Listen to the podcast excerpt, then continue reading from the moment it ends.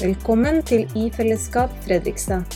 På tvers av generasjoner samles vi om Guds ord, bønn og lovsang. Du kan følge oss på sosiale medier eller nettsiden ifellesskap.no. I denne podkasten kan du lytte til andakter, samtaler og bibelundervisning fra vår menighet.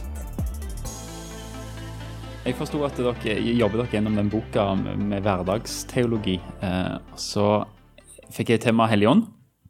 Og det syns jeg er veldig spennende, fordi eh, som Morten sa, jeg, jeg syns det er underkommunisert i mange av våre sammenhenger. Og så er liksom, Når jeg har drevet på og lest litt om Den hellige ånd, så syns jeg det er veldig fascinerende. For hvis du slår opp i ei gammel bok om Den hellige ånd, eh, så er det veldig ofte som du ser liksom en stor del handler om at Den hellige ånd er en person, Hellige ånd er Gud, og Hellige ånd viser oss Jesus. En stor del, Og så kommer det på slutten litt om åndens frukt og åndens gaver. Og Hvis du slår opp i en moderne bok i dag, så er det liksom sånn bitte litt om at Den hellige ånd er Gud og person, og så bare veldig masse om at Den hellige ånd har nådegaver og frukt. Så sånn Betoningen har endra seg litt i løpet av de siste åra. Så jeg syns egentlig det er veldig spennende å lese litt sånn både gammelt og nytt, for jeg tror det er veldig Vi har, vi har oppdaga ganske mye nytt i våre sammenhenger, men så må vi ikke glemme det som ligger de si, skuldrene til kjempene, de med skuldrene vi står på. Men eh, vi leste en tekst i dag, og Johannes 14, 15-27. Eh, og så har jeg tenkt jeg skal prøve å forholde meg til den teksten. Det har jeg lært. Som, som pastor i åtte år så har jeg lært hold deg til én tekst. fordi hvis det ikke så bobler hjertet over, og så blir talen 45 minutter lang. Eh, og da er det greit å, å si at vi har én tekst foran oss som vi bruker. Det vil si at det er veldig masse i dag som vi ikke kommer til å snakke om. Den hellige ånd er veldig, veldig mye mer enn akkurat denne teksten fra Johannes 14. Og vi har mange andre tekster i Johannes, vi har mange tekster i Paulus sine brev, og i det hele tatt fra Gamle testamentet kan snakke. Men, men, jeg har lyst til å ta denne teksten i dag og si at det er på en måte vårt rammeverk. da. Så går det an å lese mer, eh, både i den boka dere, dere bruker i smågruppene, og litt ellers. Masse forslag til tekster, og bruke dem. Men jeg har lyst til å snakke ut fra den teksten om litt sånn hverdagsteologi. Hvem er Den hellige ånd? Hva gjør han?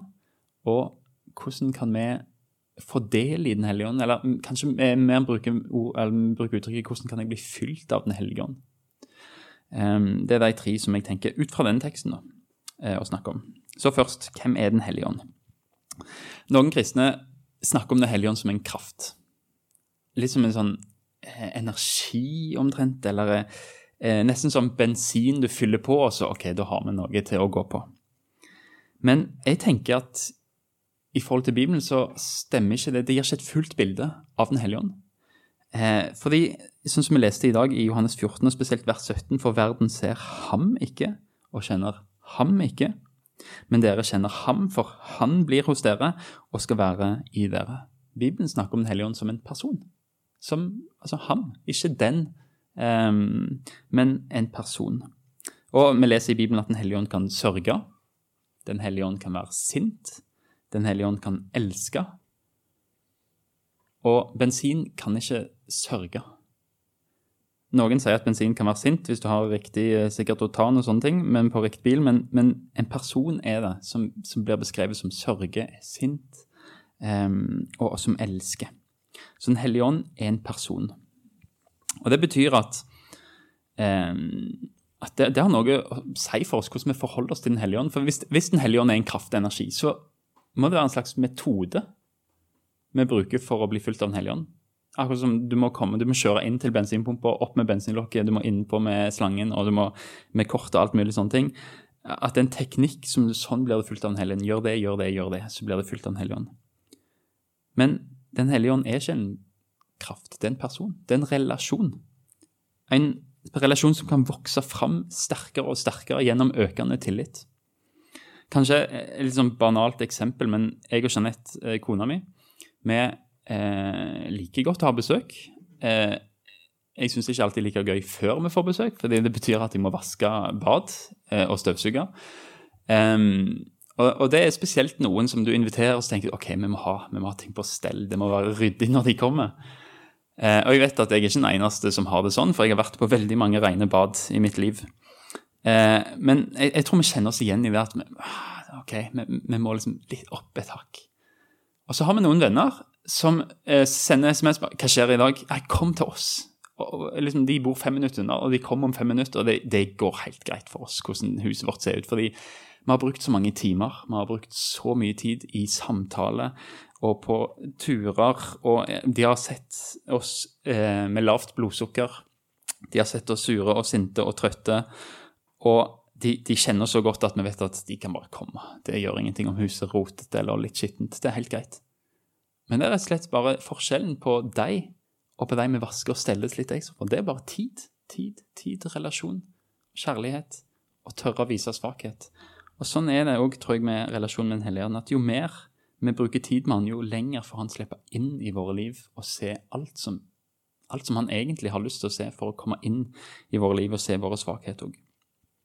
At relasjon kan vi ha med Den hellige ånd fordi han er en person som vi vokser i relasjon til. Så det vil si at det går an helt greit å være kristen og si at ja, jeg er ikke helt der med Den hellige ånd ennå, at, at, jeg har alt han gir, altså, men jeg vil være på vei dit. Det er greit. Det, er en tur, en relasjon vi, stadig vekk blir kjent med.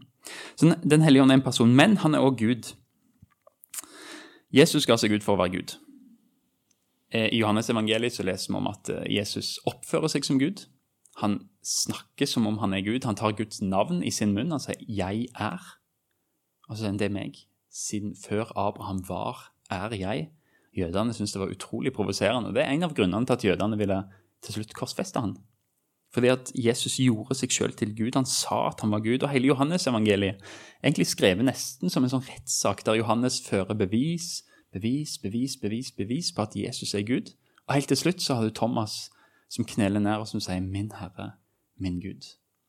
Så hele Johannes-evangeliet er et sånn lang rettssak som viser om at Jesus er Gud. Og så sier Jesus at 'jeg skal bort', men det skal komme en annen talsmann. Og det, og det, er litt relevant, akkurat det ordet. Det skal komme en annen talsmann i at Jesus sier det. For han kunne sagt um, altså Det finnes to ord for anden på, i, i gresk. Du, vi kjenner hetero fra en annen type kjønn. Uh, og vi kjenner det å være altså Vi kan si hetero hvis Jesus har sagt det kommer en hetero talsmann. Det kommer en annen som er forskjellig fra meg. Han, det skal være en talsmann, men, men, han er ikke lik meg. Det er en annen. Men så er det òg et ord som er allos. Det betyr det kommer en annen som er av samme karakter, av samme vesen, som er helt prikk lik meg. Akkurat det samme som meg kommer. Og det det Jesus sier. Det kommer en identisk som meg. Jeg går bort, men det kommer en som er akkurat lik meg. Og jeg tror Johannes og Jesus er veldig bevisst i det ordbruket. Han sier at Jesus er Gud, går rundt, tilgir mennesker. Um, forresten, hvis, hvis, hvis Sven Arne hadde slått til Morten, og jeg hadde kommet til Sven Arne og sagt 'Sven Arne, jeg tilgir deg', det hadde vært ganske hårreisende. Altså, hvorfor skal jeg tilgi Sven Arne når det er Morten som er krenka? Men det var det Jesus gjorde. Han gikk rundt og tilga folk som ikke hadde gjort noe mot han. Men det han egentlig sier, at jeg eier universet. alle mennesker er mine skapninger. Når du synder mot en av disse, så gjør du det dypest sett mot meg, for jeg er skaperen. Jeg er Gud. Så, så, Jesus, når han sier at det kommer en annen av samme slag, så sier han det kommer Gud og skal være med dere. En som er akkurat lik meg. Så Den hellige ånd er en person, men han er også Gud. Og Det er ganske grensesprengende i teksten når det står at Den hellige ånd skal være i oss, skal bo hos oss. Den treenige Gud i oss. Gjennom en person, person i relasjon. Og det er et mysterium som er vanskelig å forklare med ord. Eh, I alle fall for en som ikke er kristen. Eh, Jesus sier jo at de vil ikke se han, de vil ikke kjenne Den hellige ånd, men han skal bo i oss. Det er en sannhet som vi kan erfare, et mysterium som vi som kristne skal få grunne over og undre oss over, og kanskje bare egentlig skrape litt i overflaten på i dag, og egentlig hele livet. Jeg syns første Korinterbrev 2.10 er en veldig god beskrivelse av, av, av, på en måte Den hellige ånd. Og der syns jeg merker også at Paulus òg sliter litt. Liksom, det er ikke så lett å liksom, sette begrep på Den hellige ånd, men samtidig så, så har han en erfaring av hva han viser han da. Og Paulus skriver Eh, i 1. Korinterbrev kapittel 2 vers 9. Men som det står skrevet, det intet øye så, intet øre hørte, det som ikke kom opp i noe menneskehjerte. Det som Gud har gjort ferdig for den som elsker Han, det har Gud åpenbart for oss ved sin ånd. For ånden utforsker alle ting, også dybden i Gud. Hvem andre enn menneskets egen ånd vet hva som bor i et menneske? Slik vet heller ingen annen enn Guds ånd hva som bor i Gud. Vi har ikke fått verdens ånd, men den ånd som er fra Gud, for at vi skal forstå hva Gud i sin nåde har gitt oss. Om dette taler vi med ord som Ånden har lært oss, ikke med ord som menneskelig visdom har lært oss. Det åndelige tolker vi med ord som hører Ånden til. Slik menneskene er i seg selv, tar de ikke imot det som hører Guds ånd til. Det er dårskap for dem, og de kan ikke fatte det. For det, eh, det kan bedømmes bare på åndelig vis. Men det mennesket som har Ånden, kan dømme om alt, selv om det ikke kan bedømmes av noen. For hvem kjente Herren sin, så han kan gi ham råd? Men vi har Kristi sinn.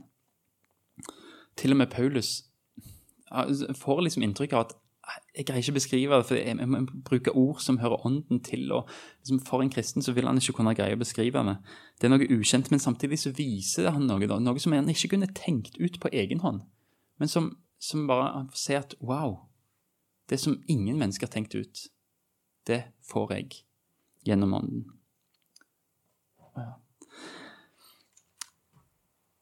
Og jeg tenker at det er en god beskrivelse på Gud og person i vårt liv. Det er varmt og godt her. Jeg òg kjente det. Så det er det første. Hvem er Den hellige ånd? Han er en person, og han er Gud. Og han er i oss. Og så er spørsmål nummer to hva gjør Den hellige ånd? Og jeg skal igjen minne deg om at vi bruker teksten. Vi kunne snakke om åndens frukt, vi kunne snakke om åndens gaver, vi kunne snakke om veldig mye. Men jeg tror det vi har i teksten, er likevel nok til å gå hjem oppløfta. Og det er ett ord spesielt som jeg vil prøve å liksom, brette litt ut og legge ut, og det er ordet talsmann. Det kan bety veldig mye. Noen oversettelser i, i norske oversettelser tar ikke seg ikke engang eh, De ser at dette ordet er så rikt at vi kan ikke gjøre det rettferdighet med å oversette det til ett ord, så de bruker bare parakleten. Sånn fordi at de ser at her er det så mye at vi kan ikke oversette det. Eh, og I jødisk tankegang så var en paraklet en mellommann som gikk mellom Gud og mennesker, som forsvarte, og som kunne anklage menneskene òg fra Gud, men òg forsvare menneskene. Eh, en sånn mellommann. Og i, Hvis du har en, flere norske oversettelser, eh, hvis du ser i bibelappen, setter de opp som forskjellige nerve, så ser du at noen oversetter med hjelper, noen med trøster, noen med venn og noen med advokat. Alt dette er, betyr det ordet. Og Hvis du går til ordbøker og kommentarer ser, så ser du at paraklet kan også være en som motivere soldater i krigen. Kom igjen, dette er for nasjonen, for fedrelandet. Kom igjen, gjør det for barna deres. Og så er det en som forsvarer, en sånn forsvarsadvokat eller et hovedvitne i en rettssak. Det er ordet talsmann. Alt det, og enda mer, i ett ord. Og da begynner vi å forstå dybden i Den hellige ånds gjerning. Men det er en juridisk term og betyr egentlig en som er tilkalt, altså para, du er kalt til å gå ved siden av. Det er Den hellige ånd kalt til å gå ved siden av oss. Og han, han gjør det for å være en rådgiver. Det er det kanskje noen av dere som har vitnesbyrd om, at Den hellige ånd har gitt dere råd. Han går for å være en forsvarer, ikke for Gud, for det er Jesus, står det i 1. Johannes, kapittel, 1. Eh, Johannes brev kapittel 2, at vi har en talsmann for Gud, det er Jesus, men en talsmann i møte med verden, en som kan liksom forsvare oss der og gi oss ord i rette tid. En som er et vitne, det skal vi lese litt etterpå, og en som er en trøster. Og jeg er blitt veldig glad i Den hellige ånd som en trøster de siste åra. Fordi jeg har stadig sett mer at han virkelig Det er en kjennelse som han, iallfall i mitt liv, har fått vist at det er um, Han tar på alvor. I, i Jesaja eh, kapittel 40 um, så tror jeg vi har noe som er typisk Den hellige ånd. Eh, I vers 1 i Isaiah 40 så sier Gud, trøst, trøst mitt folk, sier deres Gud. Tal til Jerusalems hjerte og rop til henne. Ja, hva, skal, hva skal han rope, hva, er Den hellige ånd stadig minner meg på? Som trøster det Din strid er fullført. Din skyld er betalt. Du har fått dobbelt fra Herrens hånd for alle dine synder. Og det er sånn av og til når jeg åpner Bibelen, og Den hellige ånd skriker inn i livet Striden din er fullført. Så kan vi tenke åh, oh, ja, det var godt. Så er det faktisk Den hellige ånd som trøster oss. Som går på sida av oss, forsvarer oss, gir oss råd. Um, og Jesus sier at jeg, etterlater dere ikke som foreldreløse. Og vi, vi, vet jo at foreldreløse barn kan bli traumatisert, egentlig, i en verden. Men Den hellige ånd er med oss. Den treenige Gud går med oss, og Jesus sier selv om jeg forlater dere, så gir jeg dere en annen talsmann, en trøster. Og så er han et vitne. Og Vi skal lese ganske langt fra Romerbrevet 8, bare for å vise, eh, vise en, en, annen del òg av, av Helligåndens gjerning om hvordan han vitner eh, til oss og om oss. I Romerbrevet 8, vers 14 og utover. Alle som drives av Guds ånd, er Guds barn. Dere har ikke fått den ånden som slaven har, så dere igjen skulle være redde. Nei, dere har fått ånden som gir rett til å være Guds barn, det som gjør at vi roper Abba, far. Ånden selv vitner sammen med vår ånd om at vi er Guds barn.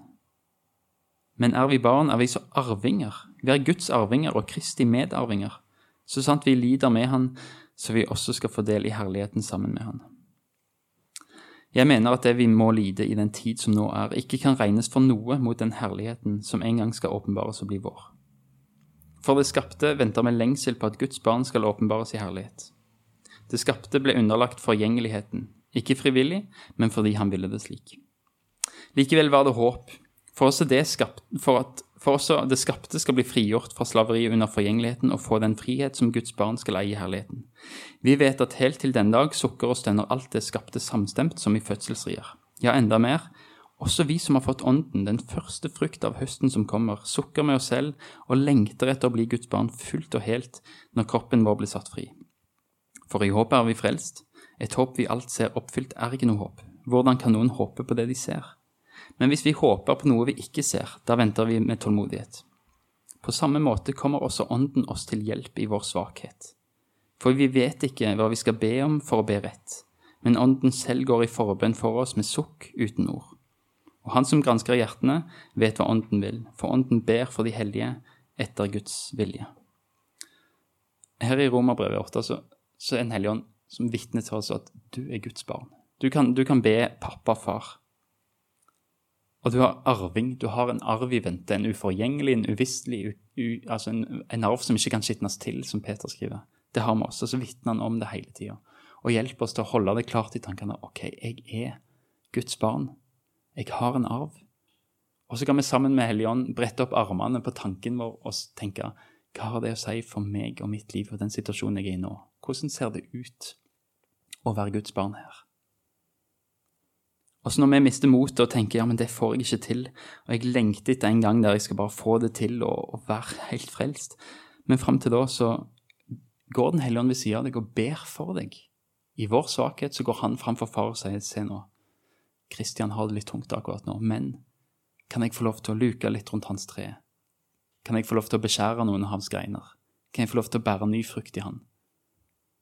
Og så er det han som går til Gud Far og ber for oss, i, forbønn for oss med sukk uten ord. Den hellige ånd er en venn, som er nær, som ber for oss, som trøster oss og setter mot i oss, og som minner oss på om at vi er Guds barn. Men han er òg en venn som ikke kjenner de der høflighetsgrensene, og som kanskje av og til er så nær og så god at han går rett på og sier du, nå ser jeg at du har det vondt. Eller det du holder på med nå, det er ikke det du egentlig vil. Så godt kjenner jeg deg. Det du gjør nå, det er ikke riktig. Og han forteller oss hva som er galt i kjærlighet, som en god venn, for å komme med løsningen, for å peke på Jesus, for å peke på nåden. Den hellige ånd er for oss, men av og til så er han imot oss for å vise oss at han er for oss, for å være med oss. Han er alltid med oss, sier Johannes. Vi er ikke foreldreløse. Jeg har et, et, bilde som jeg er veldig glad i, egentlig. Og det var dere gjennom i Gammeltestamentet med Abraham og sånt. Eh, jeg syns jeg har sett det i podkasten at det var Abraham Isak og litt sånt. Og i første Mosebok 24, eh, hvis dere husker det, så, så sendte Abraham en, en tjener til, tilbake til det landet han kom fra, fordi at han ville finne en brud for Isak. Og så går tjeneren og eh, blir sendt av Abraham og sier du skal ikke ta sønnen min tilbake til det landet, men du skal finne en brud og få hun hit. Og sende med masse gaver og velsignelser. Og tjeneren går og ber OK, Gud, hvis dette Han fant en brønn og sa nå må du sende hun jenta til meg, eh, og ba om et tegn. Og Rebekka kommer og oppfyller alle tegna. Og han utfører sitt ærend og ber om å få snakke med hennes familie, og kommer og til familien sier jeg har en far som har en sønn, og forteller om Isak, forteller om Abraham og hans rikdom, forteller om hvordan Gud velsigner Abraham, og sier jeg har en brudgom til Rebekka. Og inviterer vil, vil du være med meg til dette landet, til denne. Hun svarer ja, og tjeneren følger hun gjennom ørken, gjennom farer, gjennom alt. Gir henne det hun trenger hele tida, har med gaver, har med velsignelser fra Abraham, fra far, hele tida sørger for. Og En dag så kommer de, og hun ser en mann på marka, hvem er det? Og Så sier tjeneren, det er Isak, det er din brudgom. Og så går hun inn til han, og får alt det Abraham eier. All den arven som Isak har, den får hun fordi hun blir hans brud. Og Den hellige ånd er den tjeneren som er sendt fra far, og som inn i våre liv og sier 'Jeg har en brudgom til deg', som er en kongesønn, som har en enorm arv og velsignelser. Kan du tenke deg å være med meg til det landet? Og Hvis du takker ja, så har du en tjener som går med deg gjennom ørkenen, som har gaver og velsignelser fra far, og som en gang sier 'Ser du der? Det er din brudgom. Du er hjemme. Nå kan du gå inn her og være her, i denne familien, og all den arven som Abraham som far og som sønnen har, det er ditt. Den hellige ånd er den tjeneren som er på frierferg, og som leiter etter Jesu brud. Kristi brud blir litt feil å si i Norge for tida, dessverre, men, men, men han er rett og slett den som ønsker at du skal inn i en kjærlighetsrelasjon til Jesus. Så Den hellige ånd kan vi erfare i, i, at han drar i oss, inviterer oss, men, men, mest av alt vet vi at han er til stede når vi ser at wow, for en Jesus vi har. Fordi da vet Den hellige ånd at yes, nå fikk jeg pekt på brudgommen. Og så er det hans oppgave. Det siste spørsmålet hvordan kan vi bli fylt av Den hellige ånd? Vi vet at Den hellige ånd er en person. Hellige ånd er Gud. Han trøster oss. Han vil eh, være et vitne om at vi er Guds barn. Han vil hele tida gå sammen med oss, be for oss. Men hvordan får vi del i dette? Hvordan kan vi vokse i relasjon med Den hellige ånd? I vers 15 leste vi Dersom dere elsker meg, holder dere mine bud. Og jeg vil be min far, og han skal gi dere en annen talsmann, som skal være hos dere for alltid. Sannhetens ånd, som verden ikke kan ta imot. Dersom dere elsker meg, holder dere mine bud. Og så sier han litt senere, den som elsker meg, vil holde fast på mitt ord, og min far skal elske han, og vi skal komme og bo hos han. Ha. Og så sier han en annen plass, men talsmannen, Den hellige ånd, som far skal sende i mitt navn, skal lære dere alt og minne dere om alt det jeg har sagt dere. Holde mine bud, hold fast på mitt ord, det jeg har lært dere, det jeg har sagt dere. Det er oppgaver som Den hellige ånd har, og, og, og jeg tror at Den hellige ånd er helt uløselig knytta til Jesu ord.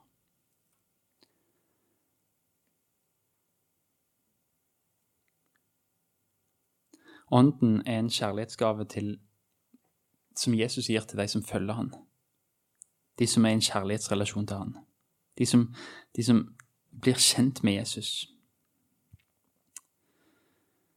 Det er ikke noe vi fortjener allikevel. Og egentlig så tror jeg at Hva kommer først? Den hellige ånd, eller at vi leser i Bibelen? Og, tror, og, at vi begynner å kjenne Jesus. Og egentlig tror jeg det er litt sånn egg og høne. Altså om ord og ånd. Hva kommer egentlig først? Men jeg tror at for å få erfare fylden av Den hellige ånd, så må vi forstå først hans på en måte, hans primære oppgave er å vise oss Jesus og evangeliet. Og når vi ser det, så kan han gjennom det gi oss enda mer av det han har å gi oss. Når vi forstår den første talsmannen, Jesus Mine barn, dette skriver jeg til dere for at dere skal, ikke skal synde. Men om noen synder, har vi en talsmann hos Far, Jesus Kristus den rettferdige. Johannes som skriver det i sitt første brev. Og se for deg en rettssal i himmelen der du blir tiltalt, og der Jesus viser til dommeren sin knuste kropp, sine sår, der det rant blod ifra. Og så sier han, se her, straffen er betalt, jeg krever full frifinnelse. Og når vi ser at åh, det gjelder meg, så ser vi det fordi du har Den hellige ånd. Den hellige ånd er som en sånn Hvis du har vært i, i storbyer i Europa, så går du av og til på dag, dagstid, så ser du plutselig en sånn glassflate i, i, bakken. Så ser du ned, så er det ei lampe i pausen, Det er en, det er en, en lyskaster, egentlig. Det ser veldig rart ut og litt sånn uforståelig den er plassert der. Så kommer du tilbake igjen på kvelden, og så ser du katedralen bare opplyst i et vanvittig lys, og du ser bare hvor flott den katedralen egentlig er. For det er en hellig ånd som bare vil kaste lys på Jesus. Så Den hellige ånd vil vise oss Jesus, og det han gjør, er å gjøre det gjennom evangeliet. Det er arbeidsarenaen til Den hellige ånd. Når vi åpner denne boka her, så er det det samme som å invitere Den hellige ånd inn i våre liv. Dersom dere elsker meg, så holder dere mine bud. Den som elsker meg, vil holde fast på mine ord, og vi skal komme og bo i Han. Og når dere holder mine bud, så vil jeg be min far, og han skal gi dere en annen talsmann som skal være hos dere for alltid, sannhetens ånd. For Jesus kaller yes, Den hellige ånd for sannhetens ånd, og i det uttrykket så ligger det mye. Men noe av det handler om at Den hellige ånd har forfatta Bibelen. Andre Peter 1 så står det, men det må for alt, fremfor alt vite at en ikke kan tyde noe profetord i Skriften på egen hånd. For aldri ble noe profeti båret fram fordi ett menneske ville det, men drevet av Den hellige ånd talte mennesker og ord fra Gud.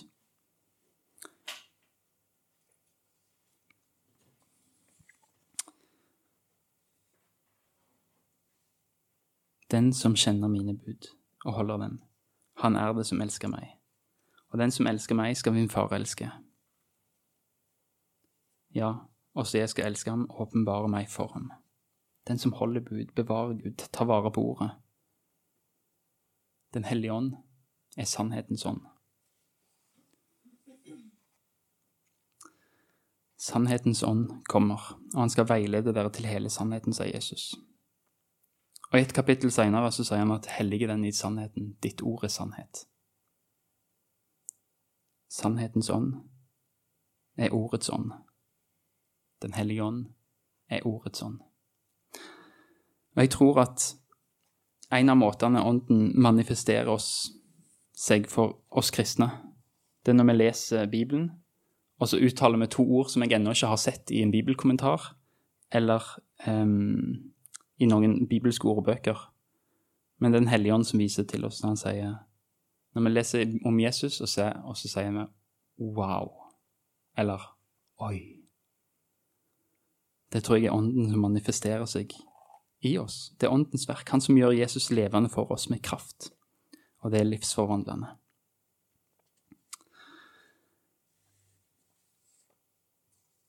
Alt det for å si, egentlig, hvordan blir vi fulgt av Den hellige ånd?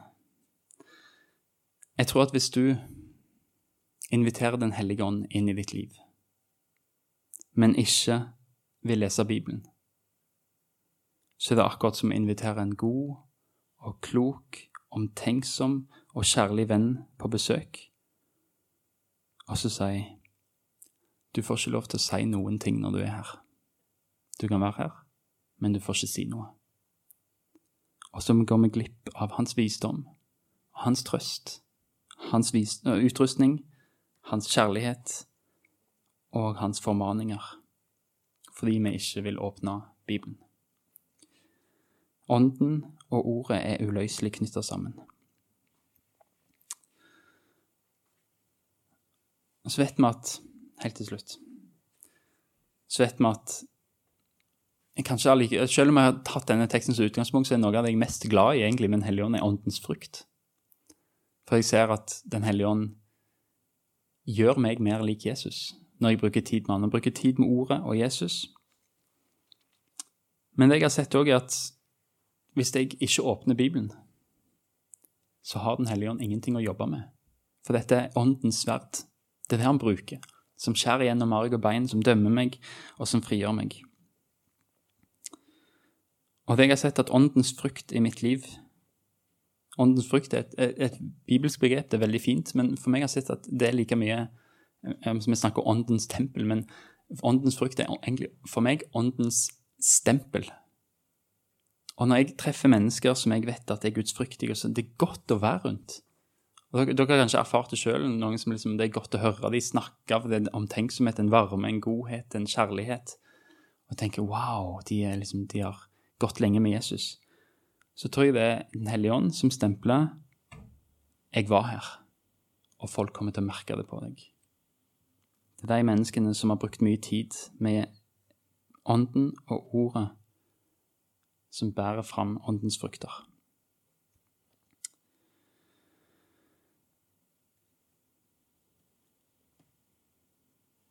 Noen, La meg ta to implikasjoner helt til slutt. Hva, hva gjør vi videre? Når vi har hørt om Den hellige ånd. For det første, les mer. Jeg, jeg, jeg har bare sagt en brøkdel av det Den hellige ånd egentlig er å gjøre. Det fins så uendelig mye mer. Og det fins store gjerninger, og det fins nådegaver, og det fins andre manifestasjoner. Men det vi ser, er at Den hellige ånd lyser opp Jesus. Den hellige ånd er Gud, Jesus valgte å tjene oss med å dø for oss. Den hellige ånd velger å tjene Jesus med å lyse opp han og herliggjøre Jesus. Gud er ikke selvopptatt, men opptatt av andre. Og så inviteres vi til å ligne på den treenige Gud. Heller løfte opp andre enn å løfte opp oss sjøl. Og det har jeg tenkt, som, som, som, en del av en stor menighet i Bergen, så har jeg ofte tenkt å skulle ønske at jeg var en del av et mindre fellesskap. Og jeg vet at den misunnelsen kan gå begge veier, tror jeg kanskje av og til.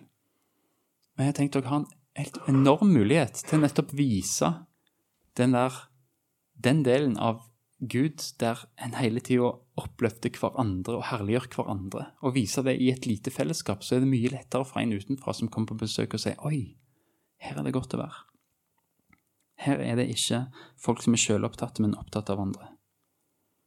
Så la oss ligne på Den hellige ånd der vi tenker at vi er opptatt av ikke meg sjøl og, og, mine krefter, men jeg er opptatt av andre, at andre skal få bli løftet opp. Den andre implikasjonen er ganske enkel. Hvis du vil ha kraft i kristenlivet Hvis du vil la Den hellige ånd få arbeide i ditt liv, så gå til Bibelen. Når vi holder Hans bud, bevarer Hans bud, så skal Han komme til oss ta bolig i oss, står vi. Skal vi be. Herre Far.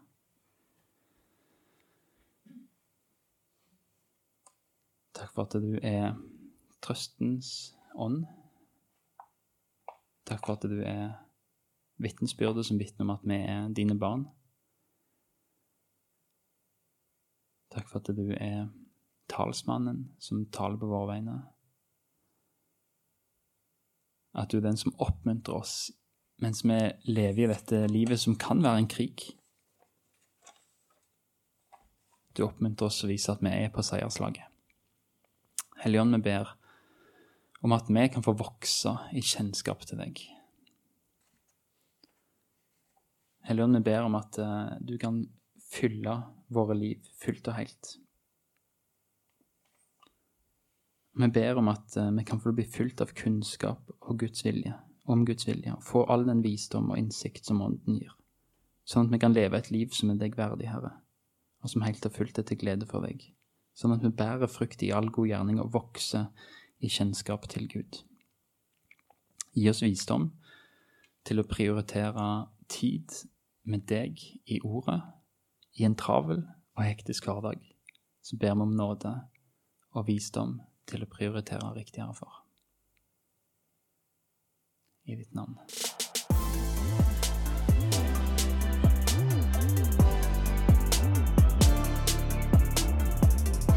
Takk for at du har hørt på podkast fra I Fellesskap Fredrikstad. Vi håper det blir til velsignelse for deg. Vårt mål er å finne de som søker, og bevare de som tror. Sammen vil vi dele livet, tjene hverandre og vokse som Jesu etterfølgere, medvandrere og fellesskap. Velkommen tilbake.